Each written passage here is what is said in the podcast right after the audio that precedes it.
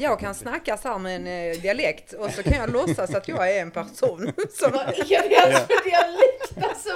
Ja, det är lite ja det är från tycker du det? Skåne. Så Nej, kan jag säga alltså- så här, askonsdag. Nej, vad kan det vara? Nej, jag vet Vad inte. kan det det måste vara vara? något. Alltså det, det Vad är så... vad, är, vad är det då? Det är ingen sån här vårdad eh, akademisk lundensisk. Nej, precis. Där, där de till och med pratar så här med rullande tungspetsar ibland.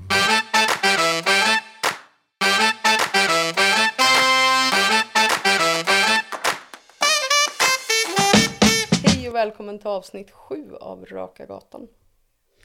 Är du trött idag Karin? ja, jag är jättetrött. Hur länge var ni kvar igår i kyrkan? eh, vi åkte därifrån 2030. Ah, Okej, det var så sent. För jag var ju kvar och hade kyrkoråd fram till. Jag åkte härifrån kvart över åtta. Så jag Mm. tänkte så här, jag bara, "Fan, konstigt att de inte har kommit ännu. Vi hade ju drop-in eh, igår. I Salems Mm. kyrka med drop-in vixlar. För att det var ju eh, ett, så Snyggt kul, datum. ett snyggt datum. 22 i andra 2022. eh, så. Nej, men och då tänkte jag för att hur länge ni blev kvar. Mm, nej, men det, det tog jag- ett tag att plocka undan. Liksom. Mm. Så det var 2030 Mm. åkte vi nästan exakt. Ja, just det. Men eh, himla kul Mm. eftermiddag ju. Jätte, jätteroligt. Eh, med tre par som kom och Mm. gifte sig spontant. Mm. Ja, det var himla... Ja, första familjen var så himla mysig med barnen och så. De var Mm. jättesöta. Ja, precis. De kom ju. Det var Ja. ett par och så hade de med sig sina tre barn. Mm. Och ehm, eh, jag har ju döpt två av de barnen. Eh, så. Och, Mm. så att de var liksom lite hemma i, i kyrkan. Ja. Eh, så. Nej, men jättefina faktiskt. Och så också så här kom och bytte om och ja. hon fixade håret och liksom sådär. Ja, det var väldigt kul. Mm. Har du varit med har du gjort, kört eh, drop-in eh, vixlar någon gång Johan? Nej, jag har faktiskt aldrig gjort det. Vi har nog pratat om det på flera ställen där jag har varit. Men jag har aldrig varit med om det hittills. Eh, nej, men det, jag tycker att det verkar vara en bra grej. Och kul att det ändå kom tre. eh, Fast det är första gången.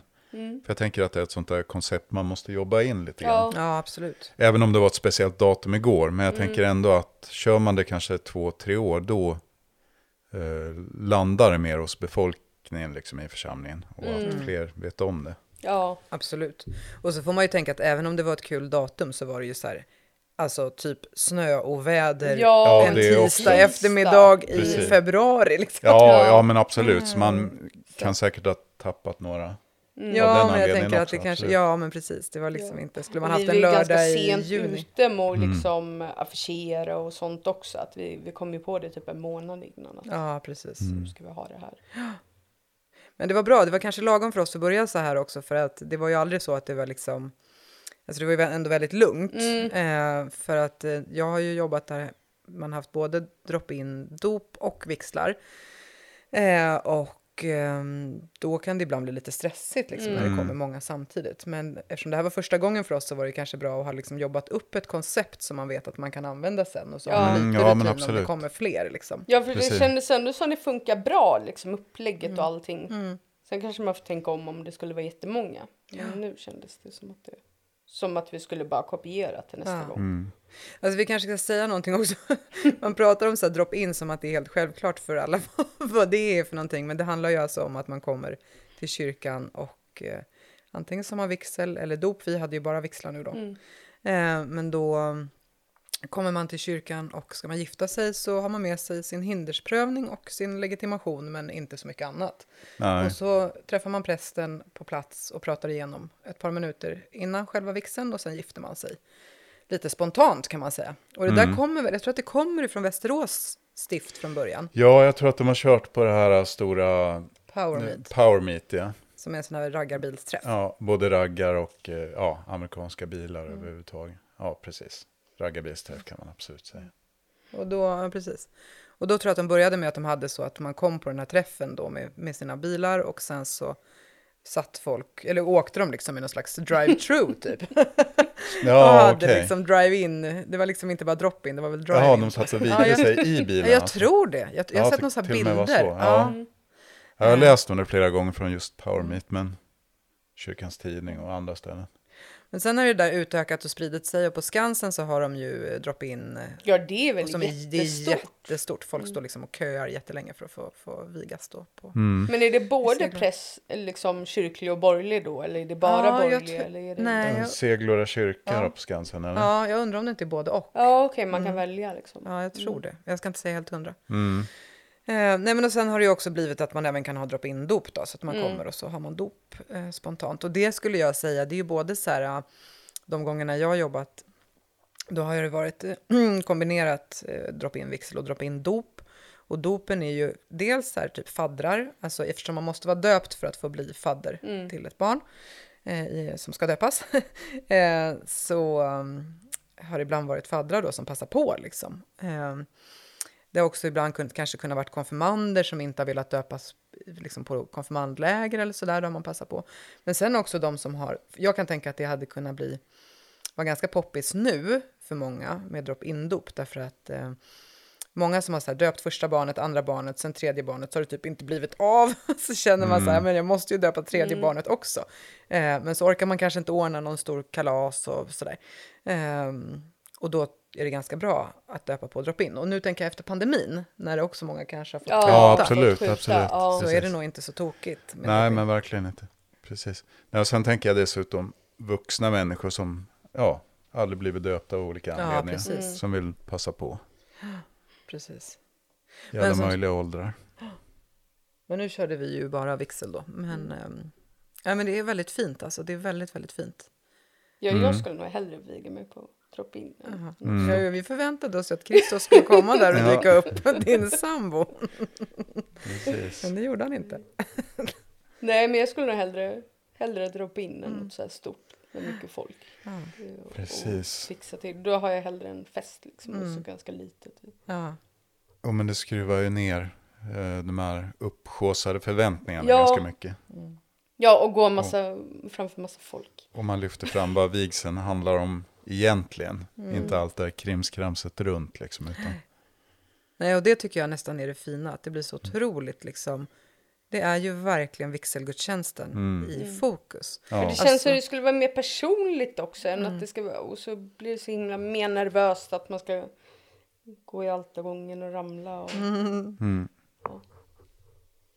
Nej, men och många tror jag tänker att det är precis tvärt. Alltså många, många blir nog förvånade tror jag när man gifter sig på drop-in att, eh, att det just är så ändå högtidligt. mm. Alltså man Mm. tänker att det ska vara lite så här, ja, alltså, lite, att det är väldigt, väldigt anspråkslöst och enkelt. Mm. Och det är det ju på ett sätt eh, också, fast att vi ordnar ju med så himla mycket runt omkring. Alltså vi ser till att kyrkan är fin, vi ser till att det liksom finns, ja men igår hade vi ju brudbuketter man Mm. kunde låna Ja, till var exempel, som var jättefina. jättefina. Altarblommor. ja. Ja, men Mm. precis. Och det fanns en fotograf på plats. Vi hade en jätteduktig solist som sjöng. Så att eh, det är ju liksom ingen löpande bandprincip, utan varje gudstjänst, varje liksom dop eller vigsel Jag blir ändå på riktigt. blir på liksom. riktigt. Det är Mm. verkligen Ja. på riktigt och det är innerligt liksom. Mm. Och jag kan ju känna att eh, när man jämför med liksom vigslar i vanliga fall, eh, för då är det så mycket runt omkring ju för Mm. dem. Det är inbjudningskort och det är festlokal och det är gästlistor och det är bordsplacering och det är klänningar och det är det. Ja, för jag skulle nästan bli mer- mer nervös. och... Ja. Ja, för det känns som man har byggt upp det så långt så att Ja. blir det minsta fel så känns det som jobbigare än om det bara blir drop-in och liksom Ja, inte så absolut, himla absolut. uppstyrt. Nej, Så men är det. precis.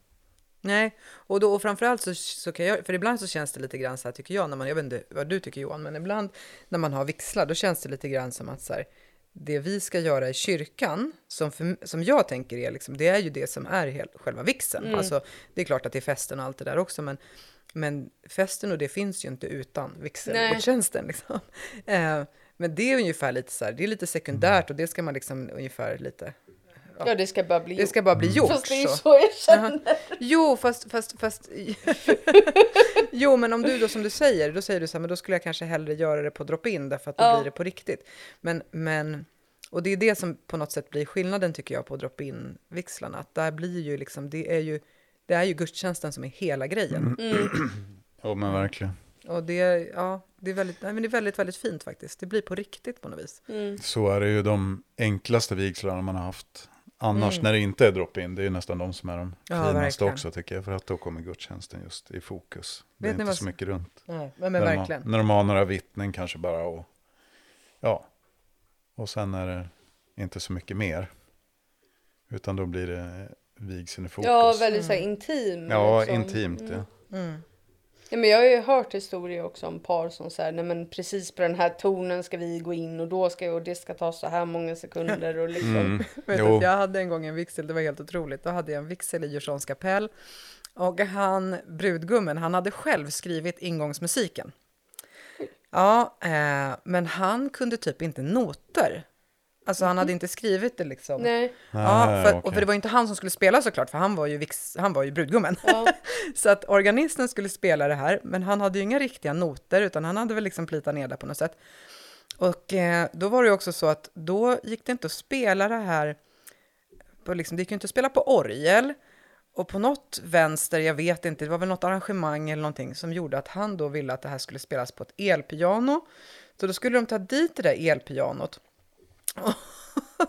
och då var det på vintern, så att det var liksom, för, för det skulle låta den här ingångsmusiken som att det var så här snöflingor som Gud. föll och det var så mm. iskristaller och sånt. Ja. Och då så var det så här, det är världens backe upp dit, så de kom inte upp med bilen, pianot, så de fick konka upp det för jätte, jättebranta liksom, trappor upp. Och sen så då skulle han spela och då skulle det vara exakt och då fick liksom organisten spela och sen fick han och Bestman öva på att gå in och ut så att hon skulle spela precis liksom för han hade ju tänkt en takt och precis hur de skulle gå och liksom regisserat den här ingången ihop med den här musiken då. Eh, Så de höll ju på en halv dag typ, den organisten och han och Bestman för att få ihop bara liksom ingångsmusiken. Mm. Eh, så. det var lite speciellt.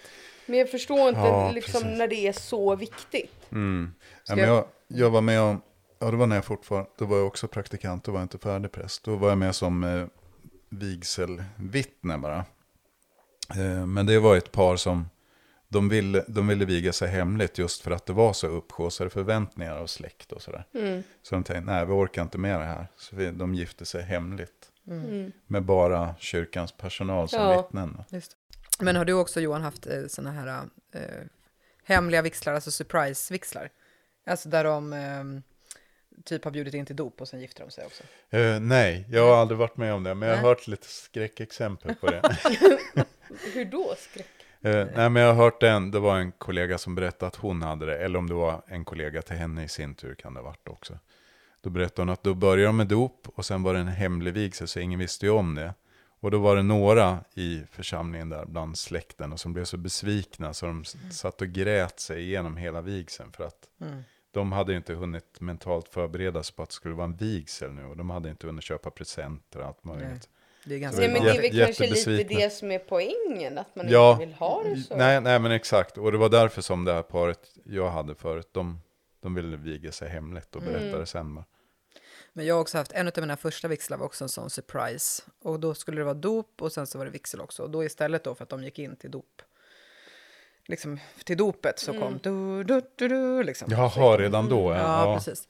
Eh, och man kan göra på lite olika sätt om man har vigseln först eller dopet först. Eh, och eh, då, då var det också så att framförallt brudens mamma blev jätte, jätte, jättebesviken.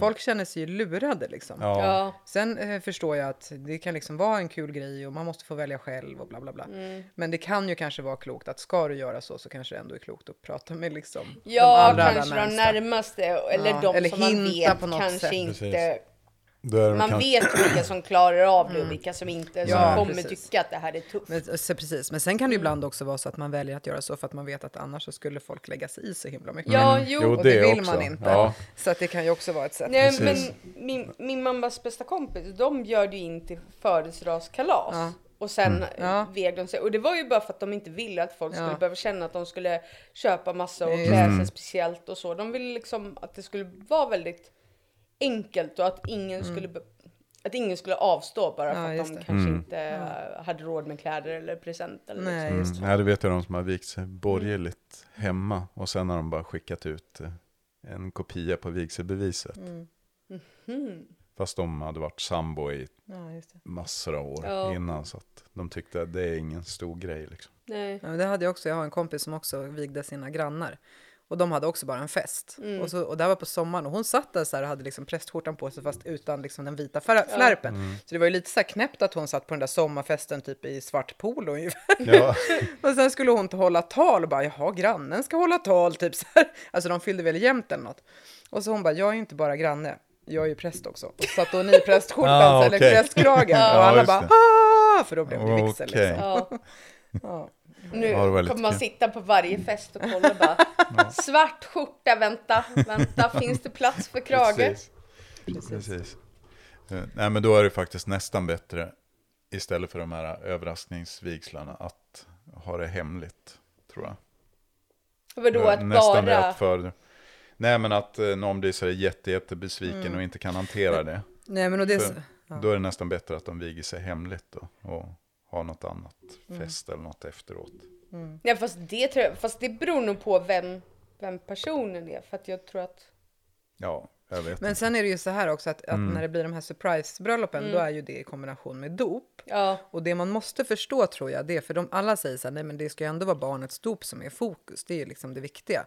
Att vi gifter oss, det är ju liksom bi, en bieffekt på något mm, sätt. fast det men blir, det, blir det ju inte, utan Nej. när det blir en surprise, dopet hamnar ju i skymundan. Ja, Så jo. Jo, det gör det. För att, för att det är ju liksom, det är ju ändå, Ja. alltså alla blir så här, vad? Ja, det är klart att vigseln blir viktiga då. Mm. Så att- Liksom. Och ja, blir det en precis. surprise så blir det en surprise.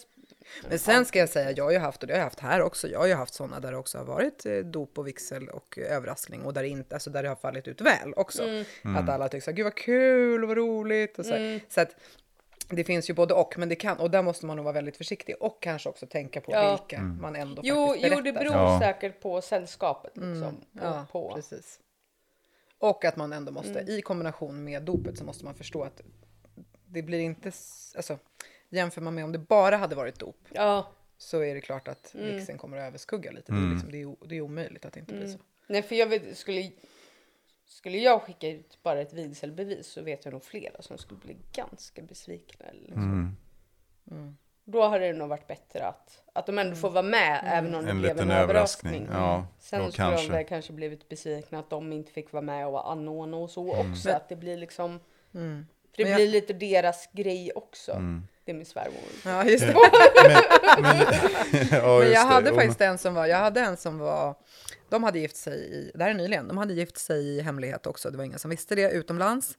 Eh, men sen så hade de dop och då hade vi en välsignelse över det äktenskapet. Eh, som en surprise. Så att efter dopet så gick vi över och så hade vi en välsignelse då över borgerligt Mm. ingått äktenskap. Ja, just det. Och det var ju fint för då blev det ju lite både och. Alltså de, eh, de hade ju gift sig och det var i hemlighet. Men deras sätt att liksom berätta det Ja, för släkt och vänner var ändå när de fick vara med. mm. Ehm, så att, ja, det var faktiskt, de blev ju också väldigt chockade och sådär, men, men, men det blev liksom ändå fint på något vis, Mm. tyckte jag.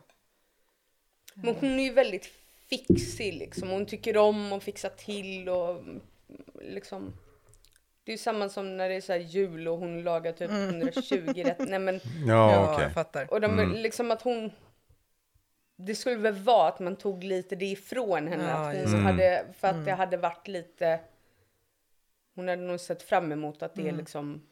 Men det där, vet, du vet att det där är, nu låter det inte som att det är kanske i den omfattningen, men du vet att det finns ett uttryck som heter mamsilla. Ni vet, Ja, man säger, mamsilla, bride, ja, man säger bridezilla. bridezilla, Ja. de som blir så helt galna när de ska gifta sig. Men det finns också mamsillas. Mm. Hur är de? Nej, men det är mammorna som lägger sig i och bestämmer allting. Ja. Alltså det är mammorna som ringer, jag har varit med om det. Det är mammorna som ringer och bokar vixen, det är mammorna som ringer till prästen, det är mammorna som, de ska lägga Mm. Sig i med på och- vigselsamtalet och Ja, allting. Ja. precis, exakt. Och man bara, men ursäkta, är det du som ska gifta dig? Eller det är det Ja, inte. nej men så mycket skulle hon inte. Hon skulle nog aldrig liksom ta över eller lägga sig i och jag kan ju fortfarande säga emot Ja, henne om det. det inte Mm, så. okej. så att det skulle, men jag tror ändå att hon hade blivit besviken om hon inte fick vara en del av det. Liksom, för att, Men det är ju... eh, men sen är ju Kristus enda barnet också. Ja, just Ja, Och jo, de det är greker. Det blir det. Ja, precis. Stora grekiska, Stora feta, feta grekiska bröllop. Ja, Jo, det. Nej, men, eh, men vad skulle jag säga? Men det är ju liksom intressant att det är så otroligt laddat med det här med liksom vixlar och, Mm. och förväntningar och hur ska man göra och... ehm, ja, Har man bott sambo i flera år innan, kanske har barn till och med. Och Ja, sådär, då, då är det egentligen, då är det mer. Nej, men och, ja, och det där tycker jag är liksom en intressant fråga och särskilt för oss då som håller på med det här och faktiskt eh, som präster håller på med liksom myndighetsutövning, för det är ju det vi gör när vi Mm, viger. jo, det liksom, vi har ju ändå juridisk liksom, vigselrätt. Vi får ju faktiskt ehm, vi får ju faktiskt sammanviga människor i juridisk mening och eh, det handlar inte bara om gudstjänsten och, och välsignelse och så vidare. Eh, och det där är ju, tycker jag, en grundfråga. Alltså varför man ska gifta sig. Alltså för jag tänker för oss blir det ju också en fråga, alltså om jag nu står här och förrättar de här vixlarna, då måste jag ju också ha funderat över varför man ska vara gift. Och, f- och, f- och varför kyrkan ska hålla på med det. Det är ju två olika frågor egentligen. Eh, och den ena, det, för mig i alla fall, så är det så här att man ska vara gift, det handlar bara om juridik för mig. Ja, jo, alltså det är verkligen också. bara eh, för att jag tänker att det är ändå det, det starkaste skyddet man har. Nu är ju sambolagen, den går ju väldigt, den är ju långt sträckt i Sverige och så vidare. Men, men, men, eh, och särskilt om man har barn så är det ju så att det är faktiskt att vara gift är, det är den största tryggheten Ja. man kan ha i relationen. Ja, precis. Annars måste man ha väldiga noggranna avtal, juridiska avtal som man kommer Ja, överens om precis. långt innan. Men har man inte det, då är det ju sambolagen. Ja, sambolagen är väl till viss del, men, men det ger ju inte alls samma skydd som Nej. att vara gifta. Nej, precis. Eh, och då tänker jag att, att eh, och då är den ena delen, liksom att ska man, varför man ska gifta sig, det är för att det finns ett juridiskt skydd i att vara gift. Den andra delen är varför ska man gifta sig då i kyrkan? Alltså varför ska vi hålla på med det här? Och det där har jag funderat jättemycket på. för jag tycker inte att det är okomplicerat med våran vigselrätt, faktiskt. Nej, det tycker inte jag heller. Nej, berätta hur du tänker. Nej, jag tänker att det är en rest av den här gamla maktkyrkan, myndighetskyrkan, att eh, vi håller på med myndighetsutövning och juridiska saker. Det är liksom inte kyrkans sak att hålla på med överhuvudtaget tycker jag. Utan det, det är liksom en rest av en gammal myndighetsutövning som kyrkan håller på med som man inte egentligen ska Nej. ägna sig åt. Nej. Så det, plus dessutom också tänker jag att, eh, att man kan parera många fler sådana här lite märkliga önskemål kanske. Om, man, om det är en ren gudstjänst, om det är en välsignelseceremoni. En gudstjänst alltså. Eh, Ja, precis. att man kan styra bort de värsta lite märkliga önskemålen det. som kan komma. Ja, för då blir det ju att de som... Eh, Och skruva, de, ner, ja, skruva ner förväntningarna kanske också. Ja, jag tänker att de som skulle komma då till oss skulle ju vara de som verkligen, verkligen tyckte att det var viktigt att ha då en Mm. någon slags gudstjänst eller ceremoni som de säger i kyrkan. Liksom. Ja, precis. Nu råkar jag säga ceremoni själv. Men, Det är okej Johan. ja. Eh, Nej, men... men- hur tänker du Jenny? Nej, men jag kan hålla med om att jag tycker också att det är problematiskt att vi håller på med myndighetsutövning när vi inte längre är eh, en del av statsapparaten. Liksom. Och jag kan tänka också att även fast att det är så, vi pratade om det igår faktiskt, det här med vigselrätten som vi ju har och att man kan förlora den om man som präst då gör någonting som är fel. Det allra vanligaste är att man inte har koll på att Ja, eh, parens, Hindersprövning, eller att hindersprövningen har hunnit hind- gå ut. Precis, Ja. precis. Eh, och då är det så att om man blir av med vigselrätten då som präst så måste man liksom gå världens utbildning och man får liksom tenta av det här och så. Mm. Eh, men när vi gick utbildningen, åtminstone vad jag minns, det var ju typ en dag med en jurist eller en halv dag med en jurist eller någonting sånt där. Jag känner ju inte att jag egentligen har kompetensen för att eh, någonstans veta, alltså kunna informera paret om vad det innebär att de går in i en juridisk förening med varandra. Eh, och det kanske inte är min sak, det kanske är deras sak att själva ta reda på och förstå och så. Eh, men, men på på något sätt så blir det ändå konstigt att jag som inte har kompetensen har rätten att juridiskt koppla ihop två personer. Alltså, för mig blir det lite konstigt. Men om det då är problem med vigselrätten och liksom att kyrkan ska ansvara för det, skulle, tycker ni då att det är bättre om man skulle ha att alla ingår borgerliga äktenskap Ja. och sen Mm. så får. Så är det ju, en så välsignelse? är det i de allra flesta ja, länder. Ja, precis. Och den behöver ju liksom inte, det skulle ju kunna varit ett avtal ungefär. Alltså Hur det då behöver, menar du? Jo men nu har vi ju, nu har vi ju, när du har en borgerlig vigsel så är ju det fortfarande liksom en liten ceremoni typ. Ja, jo. Men egentligen så skulle du ju bara kunna ha själva vigselöverenskommelsen skulle ju bara kunna vara att du skriver på ett avtal. Ja. Alltså, man det behöver går igenom någon intervju. Ja, man inte behöver så man stå vet och säga det ja eller Ja, något. utan rent precis. Ja, precis. Men det behöver liksom inte vara en ceremoni kring det Nej, egentligen. men man skriver på man samma alltid- papper. Att, Precis, du skriver det- på papperna och sen så vill du ha någonting utöver det, då får du gå till kyrkan eller så Ja. får du ordna en annan, en egen Mm. rit. Liksom. Eh, men sen så tycker jag också att det är problematiskt. Samtidigt så är jag så här, samtidigt har jag landat i att jag tycker att vi ska behålla vigselrätten, så jag ska, jag ska lite grann vara Okej, försiktig. ja.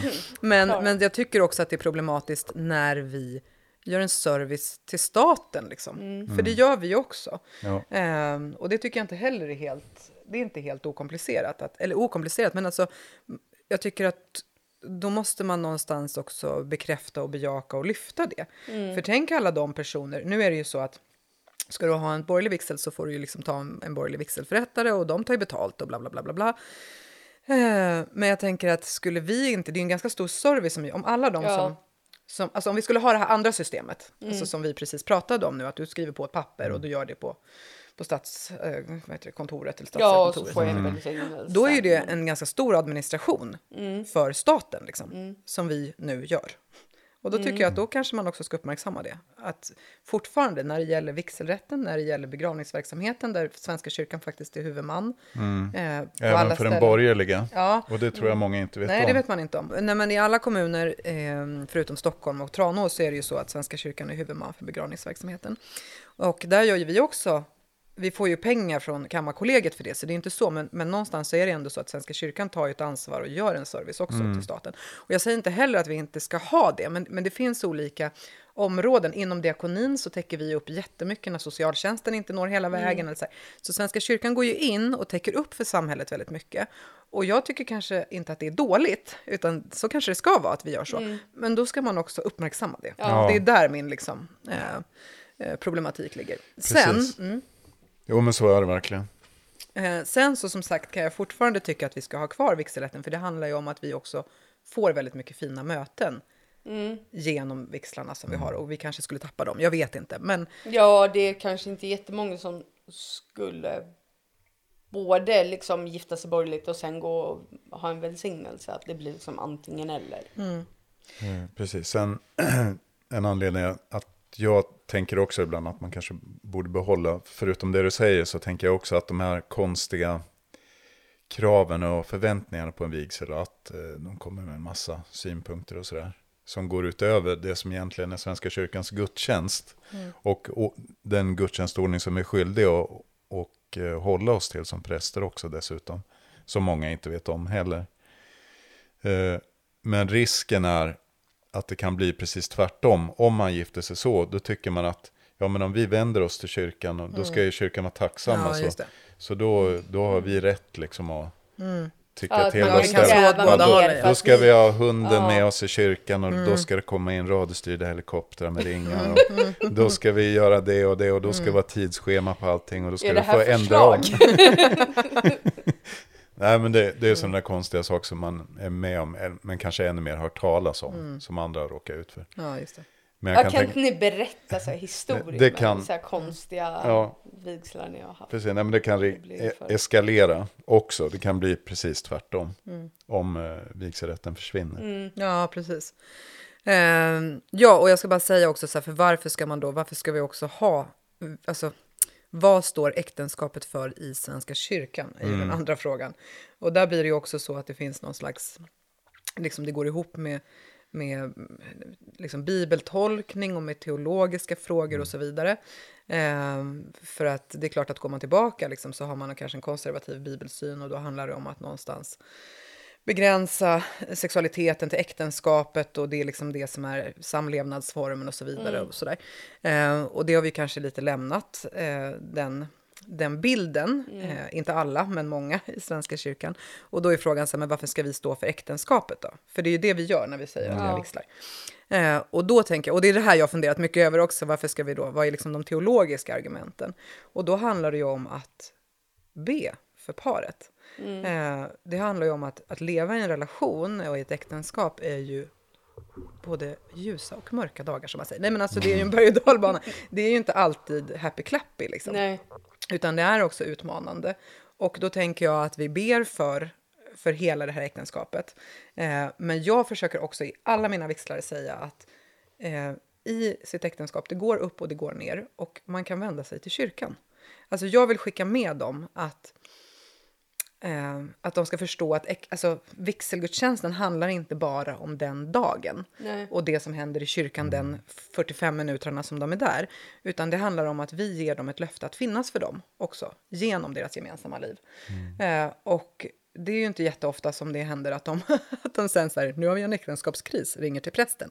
Eh, men jag har varit med om att personer har vänt sig till sin församling som inte faktiskt har varit kyr- kyrkisar om man säger, Nej. när det har krisat. Eh, så det är inte heller Men så att hur det inte hjälper händer. församlingen då? Liksom, vad...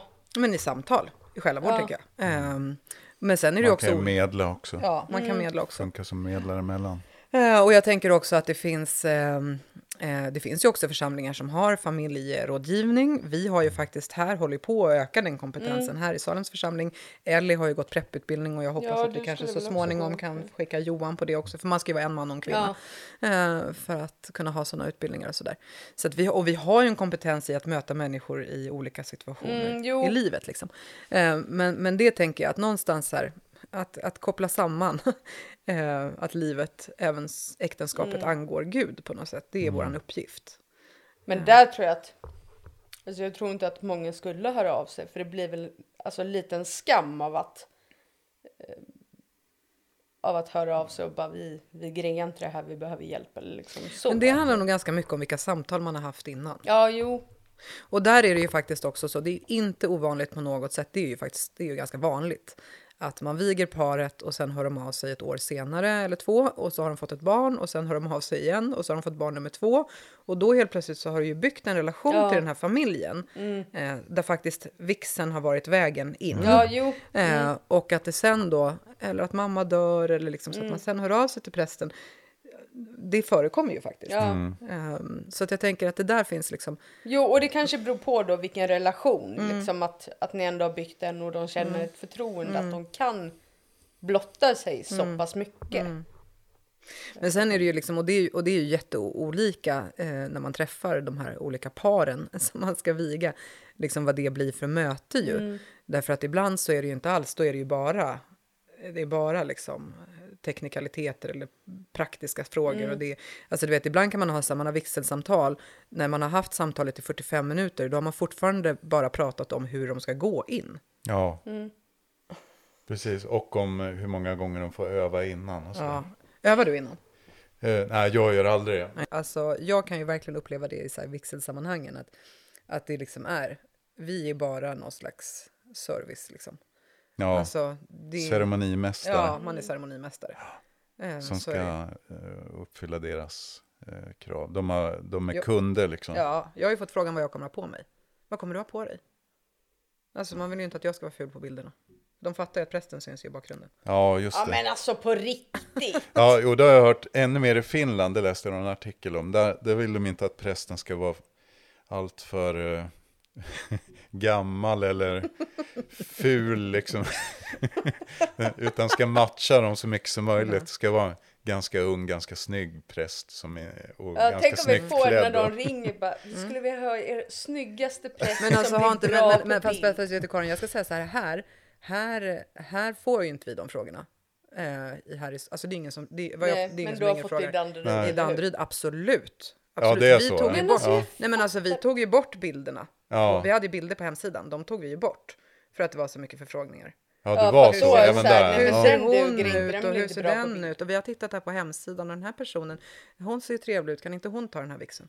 Och så skulle de liksom då bestämma, för vi har, alltså, man har ju de tjänsterna, eller de helgerna man är i tjänst, för det här är också som att man inte riktigt förstår. Alltså, Mm. vi, jag och Johan, vi har ju liksom också ett annat, vi har ju ett vanligt liv. Nej, med nej. familj och allt ja. sånt där som man liksom och då är det ju så här, vi får ju ett schema, ett arbetsschema. Mm. De här helgerna jobbar du det närmsta halvåret och de här dagarna är du ledig och bla bla bla bla. Och det är klart att vi kan ju göra ett byte oss emellan någon gång om det skulle vara Ja, något jo. särskilt eller så. Men man Men har det ju är ju om sina ni har en relation till dem som Ja, kanske precis. ska... Men vi har ju de helgerna som vi jobbar. Mm. Men alltså nej, då skulle man ju ringa om man skulle liksom önska präst typ. Och det funkar ju inte så. Och särskilt Nej. inte om man har fem kyrkor till exempel. Nej. Det är ett ganska eh, explicit pussel att Ja. lägga. Så Mm. att det är någon på rätt plats. Det går inte Men jag jag fattar inte hur man kan vara så full av sig själv att man liksom kan Det- ha de kraven. Det, det är inte helt ovanligt tycker jag. Det, det ganska förälskade par kan vara oerhört självcentrerade. Det är de som är världens centrum. Liksom. Och, och man måste tillåta dem vara det till viss Ja, gräns absolut. också. Men, Jo, men när det blir liksom, nej men Ja. jag vill inte ha dig som präst för du är inte tillräckligt snygg Nej, nej, för då- mitt nej, då blir det. Nej, precis. Alltså, sen, sen har jag varit med om en friluftsvigsel en gång när eh, Fast- jag tror brudens mamma började stöta på mig nästan. Där. Hon var inte riktigt nykter heller. Så. Ja, det är sant. Eh, när det började så här, åh, vad snygg du är i, i den där kaftanen. Och sen, sen i takt med att det börjar närma sig vigseln mer och mer, så bara, åh, det ser verkligen bra ut i den där. Eh, Men är du kompis till eh, brudparet? Ska du är du kompis festen? till min dotter? Det kanske är det som kommer bli ett problem sen bara, jag kan inte ta den där prästen, det kommer bli ett problem, den är för snygg Ja, och jag precis. vet att jag har flera i släkten som kommer, det kommer bli ett problem. Ja, precis. Frånskild mamma 60, ja, 65-70 kanske som försökte lite där. Men, men, men jag ska säga så här, jag tror egentligen inte att det handlar om att prästen ska vara snygg. Alltså det är inte det, utan Nej. de, för dem är det ju så här att den här dagen när de ska gifta sig, allting som det här bröllopet handlar om, det handlar om att gestalta och manifestera deras kärlek. Eh, och så, som sagt, det måste ju få vara så, de måste få vara Ja, förälskade och de måste få Jo, liksom precis. Gå in i Inom det där. rimliga gränser Inom då, kan man tycka. Ja, men, ja. Men då är det så att då vill de hitta en präst som fattar dem. En, präst, Mm. en präst som, liksom, som gestaltar dem på något sätt, som matchar det som de vill. Ja, och vill det- och, och alltså- då är det så här, och då får ju de, baserat på att de tittar på en bild, Mm, så får ju de en idé om att det här är en präst som är som vi. Hon ser sportig Mm. ut, vi är också Mm. sportiga. Eh, han ser eh, intellektuell ut, vi är också intellektuella. Alltså, det är undermedvetet Ja, jo. såklart. Mm. Ja. Men jag Jo, tror att det handlar har om jag att de vill lättare det. för att förstå om det är någon som så här, ja men vi vet att den här, ja men utifrån typ predikan eller liksom någonting att den liksom talar mitt språk. Mm. Att det blir en annan, men samtidigt, men herregud. Hur, ja. ja, jag vet inte.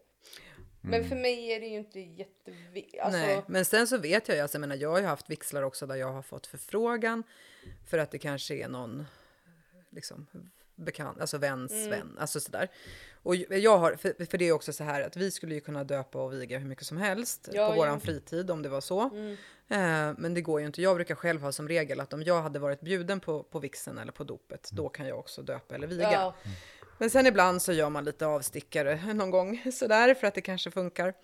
Eh, men då är det ju ofta så att när man får de förfrågningarna så handlar det ju om att det här paret är också så rädda för att prästen ska typ förstöra deras stund. Och det är också fruktansvärt att man ska känna så. Och det är ju ingenting som de har hittat på själva, utan det är ju för att de har varit på en vigsel någon gång där det har varit lite knäppt liksom. ja. Eh, eller där det inte har varit så kul, eller där det, har, där det inte har känts bra helt enkelt. Mm.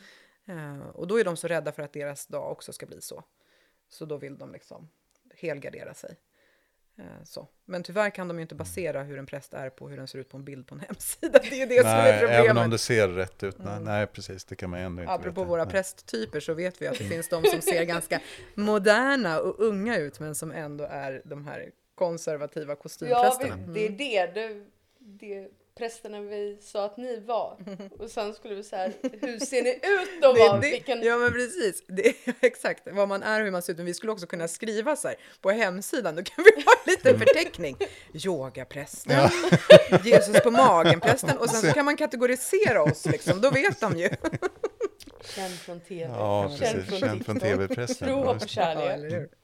Väldigt bra på det här med relationer.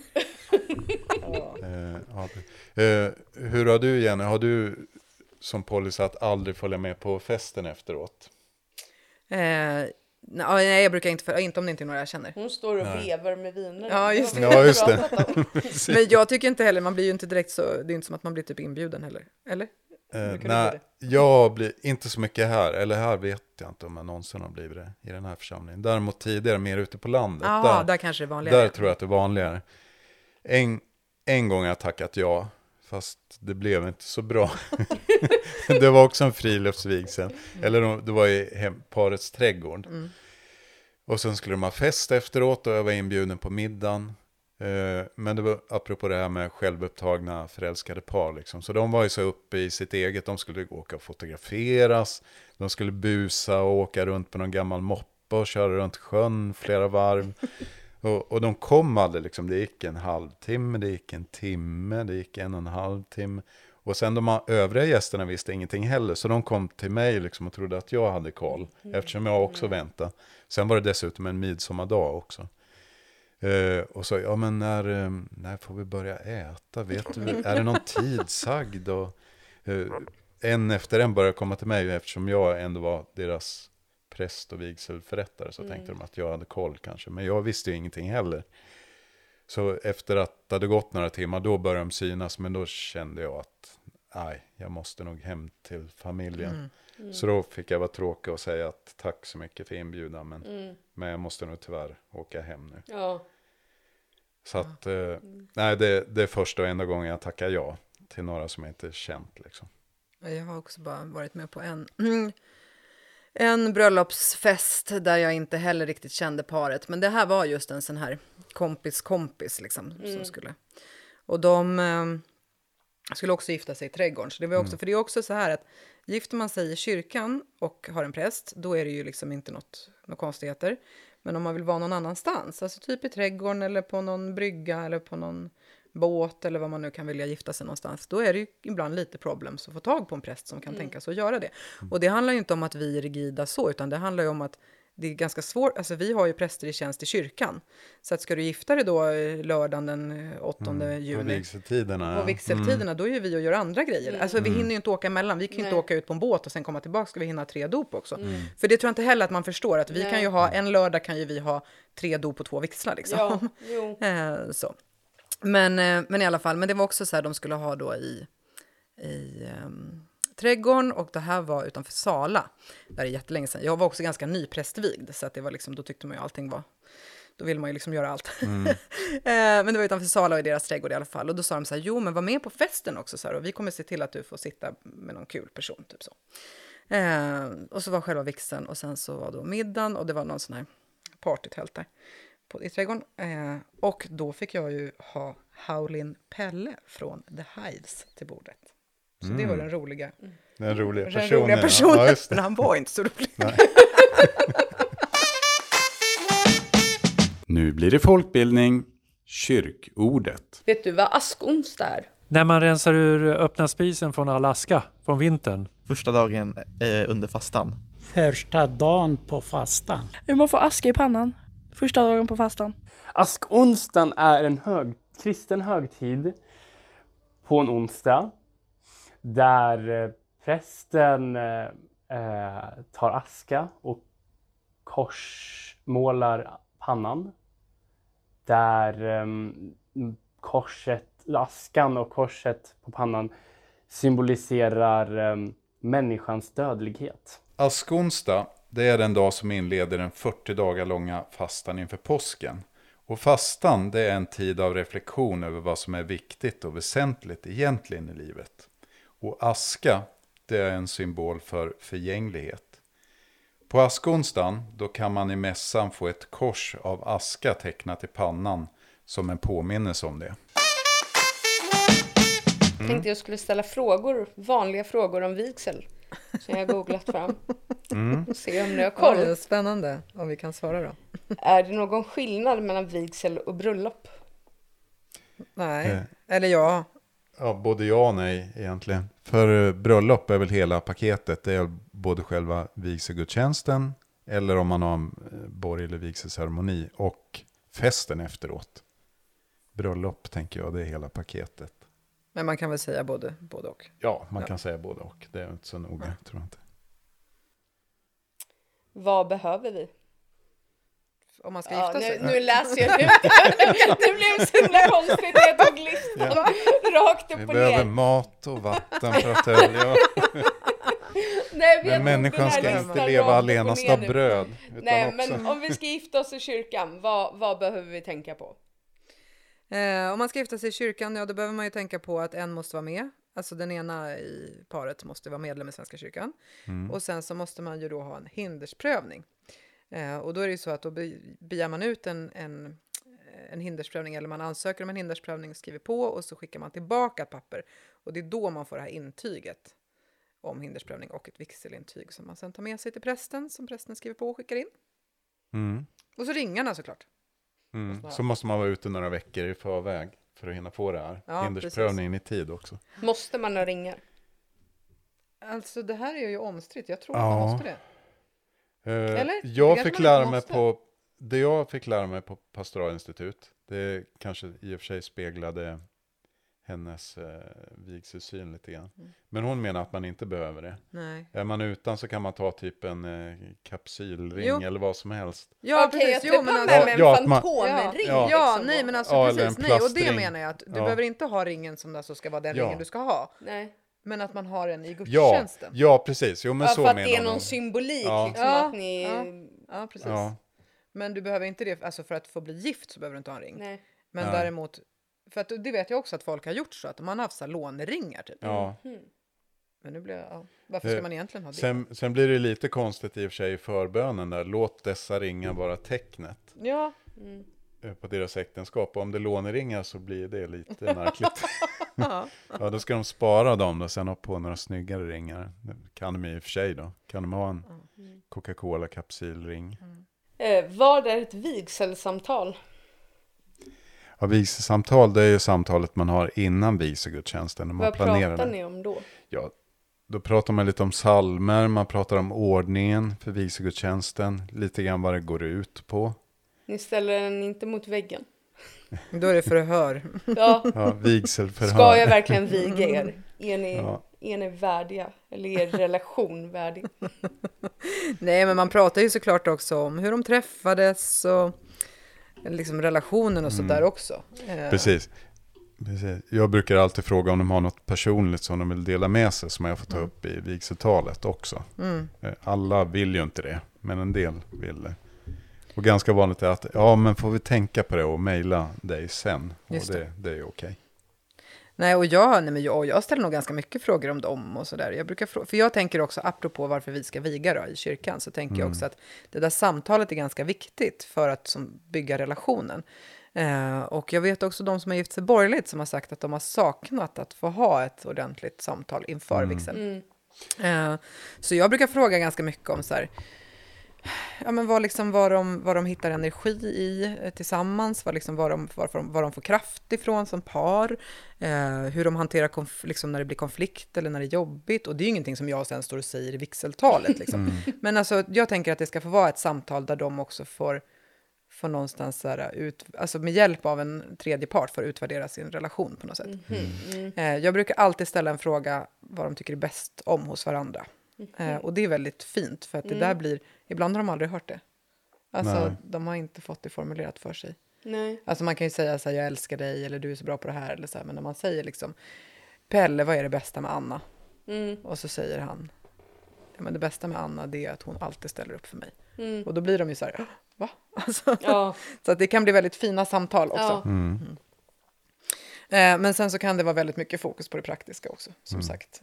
Vilka marschaller som ska stå där och vilka tärnor som ska gå si och det ska vara... Ja, det är ganska mycket praktiska eh, saker. Ofta som kommer upp i samtalen. Eh, men sen vet jag ju kollegor som till och med har äktenskapsskola, så träffar de flera Mm, just det. gånger. Och eh, har gått, kanske har gått en egen utbildning för att kunna hålla en eh, adekvat eh, sån utbildning, eller samtal med, med paret. Mm. Fast jag har inte det. Inte jag heller. Men jag har också, jag vet också kollegor som har sagt nej. Som har sagt till paren när de har haft vigselsamtalet. Mm. Nej, det där kommer inte, ni är inte redo att gifta er, ni får gå hem, ni får komma tillbaka om ett år. Men vad är det som skulle göra att man får höra det då? Liksom? Vad är det som gör att Nej, men det här är väl kanske, just det här fallet, den prästen jag vet som har sagt så är väl kanske ganska, men vad ska jag säga, har liksom idéer om vad som är en grund för att ett äktenskap ska hålla liksom. Mm. Eh, så, men, Vad är, vad är en bra grund då? Men att man känner varandra bra, att man förstår att liksom det här är ett, eh, ändå ett stort, det är inte bara liksom eh, ett party, utan det är ett åtagande också, att man går in i den här relationen, alltså att man, man lovar varandra. Eh, liksom, att stå vid varandras sida genom livet och sådär. Eh, men sen så kan det också vara så att faktiskt, För vi har ju så kallat, det här kan man ju ibland, det här blir ibland en diskussion när det gäller samkönade vigslar.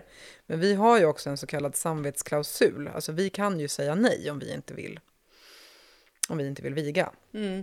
Eh, och då blir det problematiskt då att, att vissa använder den samvetsklausulen när det gäller samkönade par. Men vi kan ju också göra det när det gäller ett, ett, Ja, hetero, ett heteropar. ja. Ett, litet- ja, precis. Eh, och eh, då skulle det i sånt fall handla om att man kanske på något vis upplever att det inte är en sund relation eller en ojämlik relation. Mm. Eller, det kan ju också vara en relation där man tänker att det här, de, kom, de ska bara gifta sig för att det kanske finns, eh, det kan ju handla om att man ska få uppehållstillstånd Ja. eller alltså, sådana där saker. Mm. Eh, så. Precis. Nej, jag har faktiskt varit med om en gång när jag kände betänkligheter. Mm, jag och jag eh, tog upp frågan och rådgjorde med flera kollegor via eh, ett Facebook-forum för präster. Eh, för att det verkar, det, det vanliga när man träffar det är att nästan alltid så är det kvinnan som är väldigt drivande, eller så är det båda två. Den här gången var det mannen som pratade så mycket och hon sa nästan ingenting. Och då tänkte jag, ja är det något som är fel här? Det, det verkar inte riktigt eh, som det skulle. Så Så att jag var ganska tveksam där ett tag. Men sen träffade jag dem igen eh, för ett andra samtal. Och då var det helt annorlunda. Mm. Så att jag tror att hon var i någon, ja, hon kanske var på dåligt humör. Hon kanske kände sig obekväm in i kyrkan eller vad det nu kan ha berott på. Men Det, var, det var ett tänker helt som- annat intryck. Och det var ju skönt. För annars Ja. hade jag haft betänkligheter faktiskt för att viga dem. Men sen jag har haft, när jag har haft be- lite betänkligheter, då har det handlat om som sagt att man upplevt kanske en, men just det här att det finns en väldigt ojämlik relation. Eh, Ja. Men sen också där jag har misstänkt att det kan, eller jag har fått en känsla av att det kan ha förekommit våld. Ja. Eh, och det har ju inte varit så starkt, för jag menar, är det en väldigt stark eh, oro, då måste man ju också agera på den, Mm. tänker jag. Men då har jag också valt att haft flera samtal, Ja. att jag har träffat paret flera gånger. ja, för då Och märker även- du också ja. om det kanske beror på Ja, något precis. sånt. Mm. Liksom. Mm. Eh, så, men samtidigt är det ju så att vi kan ju inte heller leva någon annan människas liv. Nej. Det är inte våran uppgift. Utan, men man måste ju också myndigförklara människor att de Ja, själv jo. gör sina val. Liksom. Jo. Men, men på något vis så är det ändå... Ja, det är ändå man kan liksom ifrågasätta den här samvetsklausulen på grund av att, att det nyttjas då när det gäller liksom någon slags konservatism i fråga om samkönade äktenskap. Eh, och samtidigt så kan jag känna att det också finns... Det finns... Det, det, det, det Och- hjälper mig att ta mitt uppgift, min uppgift på allvar. Jo, På något men sätt. där är ju skillnad om det då, om du då går in du går in ute, alltså för deras skull och så här, det här går inte eller liksom så, jag kan inte viga er eller liksom för det känns inte bra eller så. Och om du går in med din personliga Ja, syn min personliga Teologiska hållning, så, Ja, det är helt olika saker. Tidigare, jag vet inte om det förekommer än, men tidigare var det de som väjde om någon av personerna hade varit gift tidigare. Då menar Mm, de det att- finns det fortfarande ja, de som... ja, det finns Ja. säkert. Då vägrar de viga. Om, om viga någon Mm. Precis. Vad kostar det att gifta sig i kyrkan? Det Det kostar 9000, nej. Så man gärna får swisha till nummer Precis. 070. Nej. Däremot var det inte helt ovanligt längre tillbaka att prästen tog en liten handpenning. Sådär, Ja, och jag. att de här vita kuverten, men det förekommer vita aldrig kuverten. längre. Nej. Det, så var det lite i början där. Eh, jag har varit ja, både i alla slags förrättningar tror jag. Ja, alla, precis. Dop, vigslar, begravningar. Men, men prästen fick ett kuvert med pengar efteråt. Mm. Jag har varit med om det en gång, att de har frågat om det. Jaha, vad kostar det här då? Då var det sorgehussamtalet. Ja, just det. Och så började han liksom Ja. Vara beredd att ta upp sedlar. Ja, liksom. Jag sa nej, nej, nej, det kostar ingenting. Nej, Nej, Nej då alltså, kan du väl i så fall swisha till diakonin? Ja, ja, ja, ja, det och kan så, man göra, Och så har jag ju gjort liksom. ja. Alltså de gångerna i början, det var när jag var precis präst, nyprästvigd, då var det lite, inte jättevanligt, men det hände ibland att man fick, att man fick Jo, om det var samma här, det var när jag var Eh, ja, precis. Och här har det hänt ett par gånger, fast då har man uttalat sagt att det här ska gå till, liksom, ja, kan inte du ansvara för att det här kommer till? Mm. Eh, och då skänker man ju det till diakonin, liksom, eller vad de nu, om de inte har specificerat. Men annars kostar det ju ingenting. Men man måste ju vara medlem i Svenska kyrkan, så att det är klart, man betalar ju på sin medlem. Alltså en måste ju vara medlem, så man betalar ju på sin medlem. Skatten betalar man ju precis. Så på det viset är det. Men annars så kostar det inget. Och då får man ju präst och musiker och vaktmästare och kyrka. Många vet ju inte om att det ingår en musiker. Nej, det är också. många som inte vet. De tror att de måste ordna med det själva. Mm. Får man utforma vigselgudstjänsten som man vill? Nej, Nej. För att som präst, då har man ju sin vigselrätt utifrån Svenska kyrkans ordning. Så att vi kan till och med bli av med vigselrätten om vi bryter ordningen. Hur mycket får man styra själv då? Får man bestämma någonting? själv? Ja, det får Ja, man ju. Salmer och, och vissa saker i ordningen kan man ju kasta om lite grann. Och Alltså- man kan extra musik Ja, och diktläsning Ja. och Mm. lite sådana saker kan man ju stoppa in. Precis. Det är ju Vad finns musik det när man... Ja. Det är musik när man går in i kyrkan och det kan man ju välja. Det är musik när man går ut ur kyrkan, det kan man välja. Ehm, som sagt, man kan ju ha en solist som sjunger, det kan man ju lägga till. Mm. Det måste vara två salmer, eh, men de får man ju vara med och påverka. Det är inte så att vi säger att ni måste sjunga de här två salmerna, utan det kan Nej. man ju också välja vilka salmer det ska vara. Ehm, så, och sen som sagt bibeltexter läser vi ju, de kan man ju också få med och påverka vilka, vilka texter man vill ha. Mm. Det kan ofta vara ganska fina samtal tycker jag, om vilka texter man ska välja och sådär. Det finns ju förslag liksom i vår handbok. Vad finns det för fasta moment då som måste vara med liksom? Eh, Mm. Två salmer är ett av de fasta Mm. momenten. mm. Sen eh, ska det ju vara ett vigseltal och det kan man ju lägga antingen i mitten eller på slutet. Mm. Eh, Och så är det bibelläsning, bön.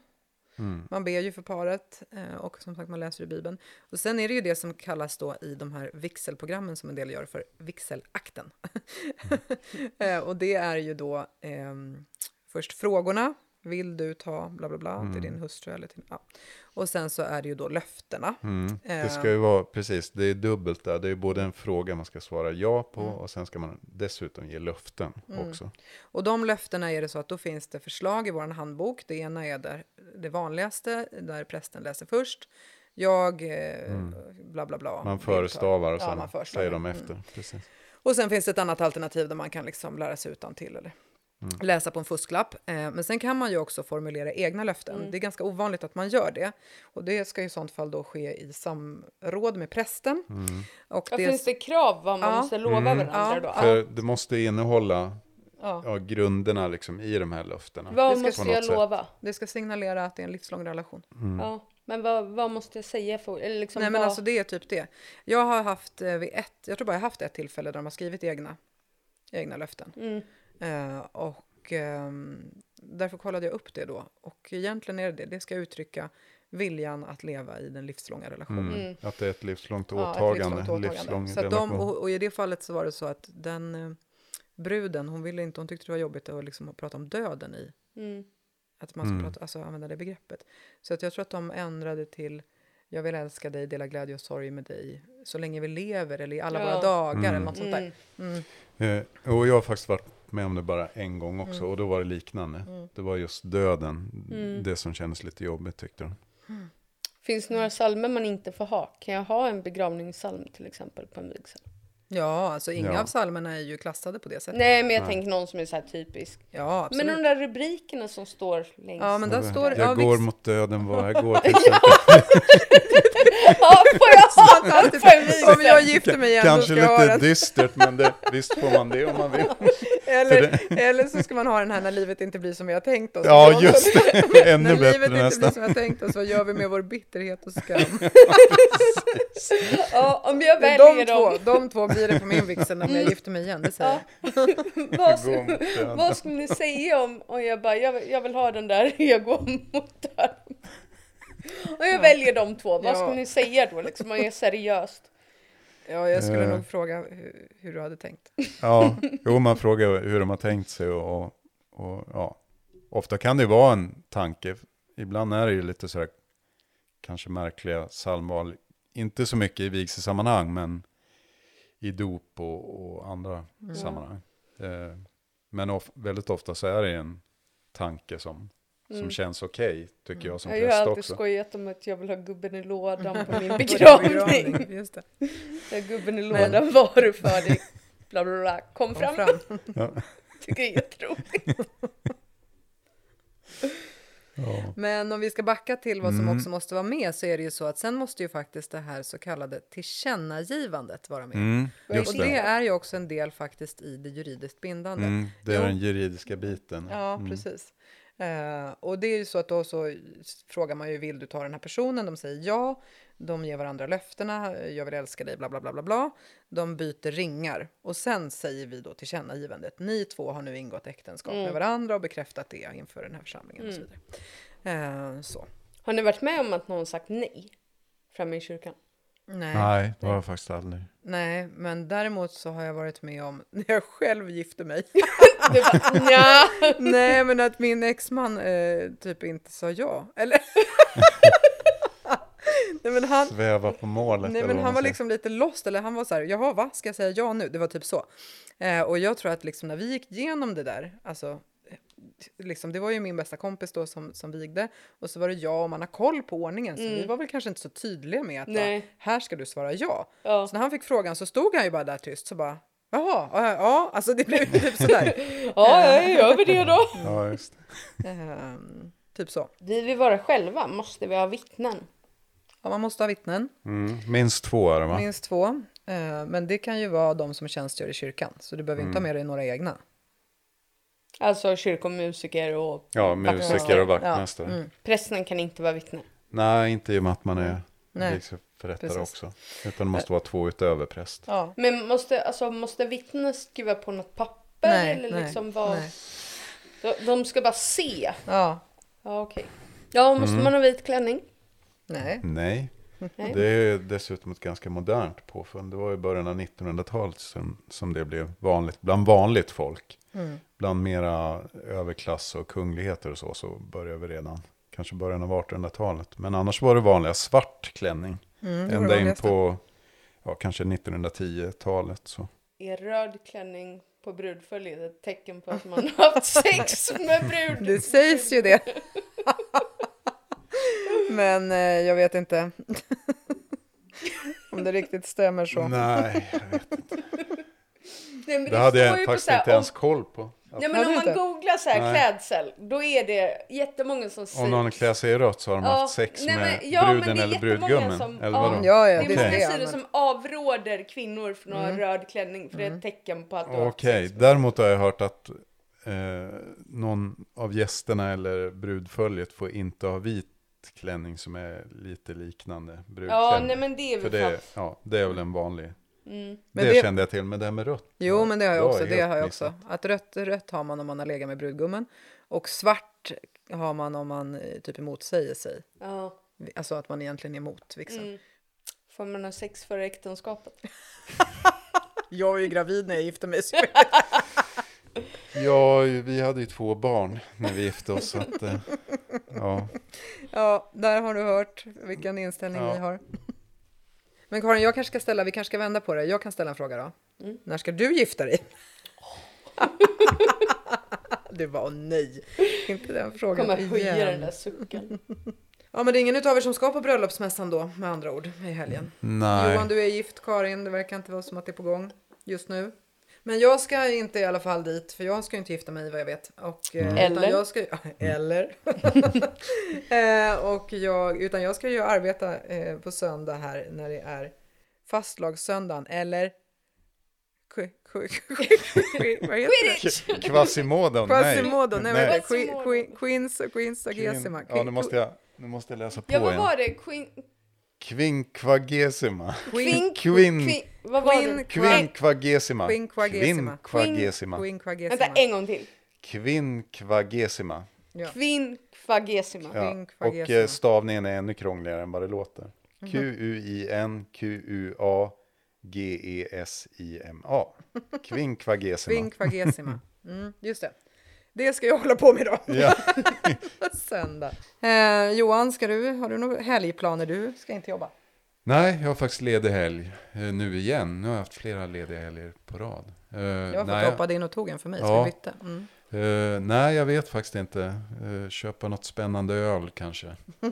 Eh, och ut och springa lite mer tänkte jag också. Med ölen. Ja, med, med ölen.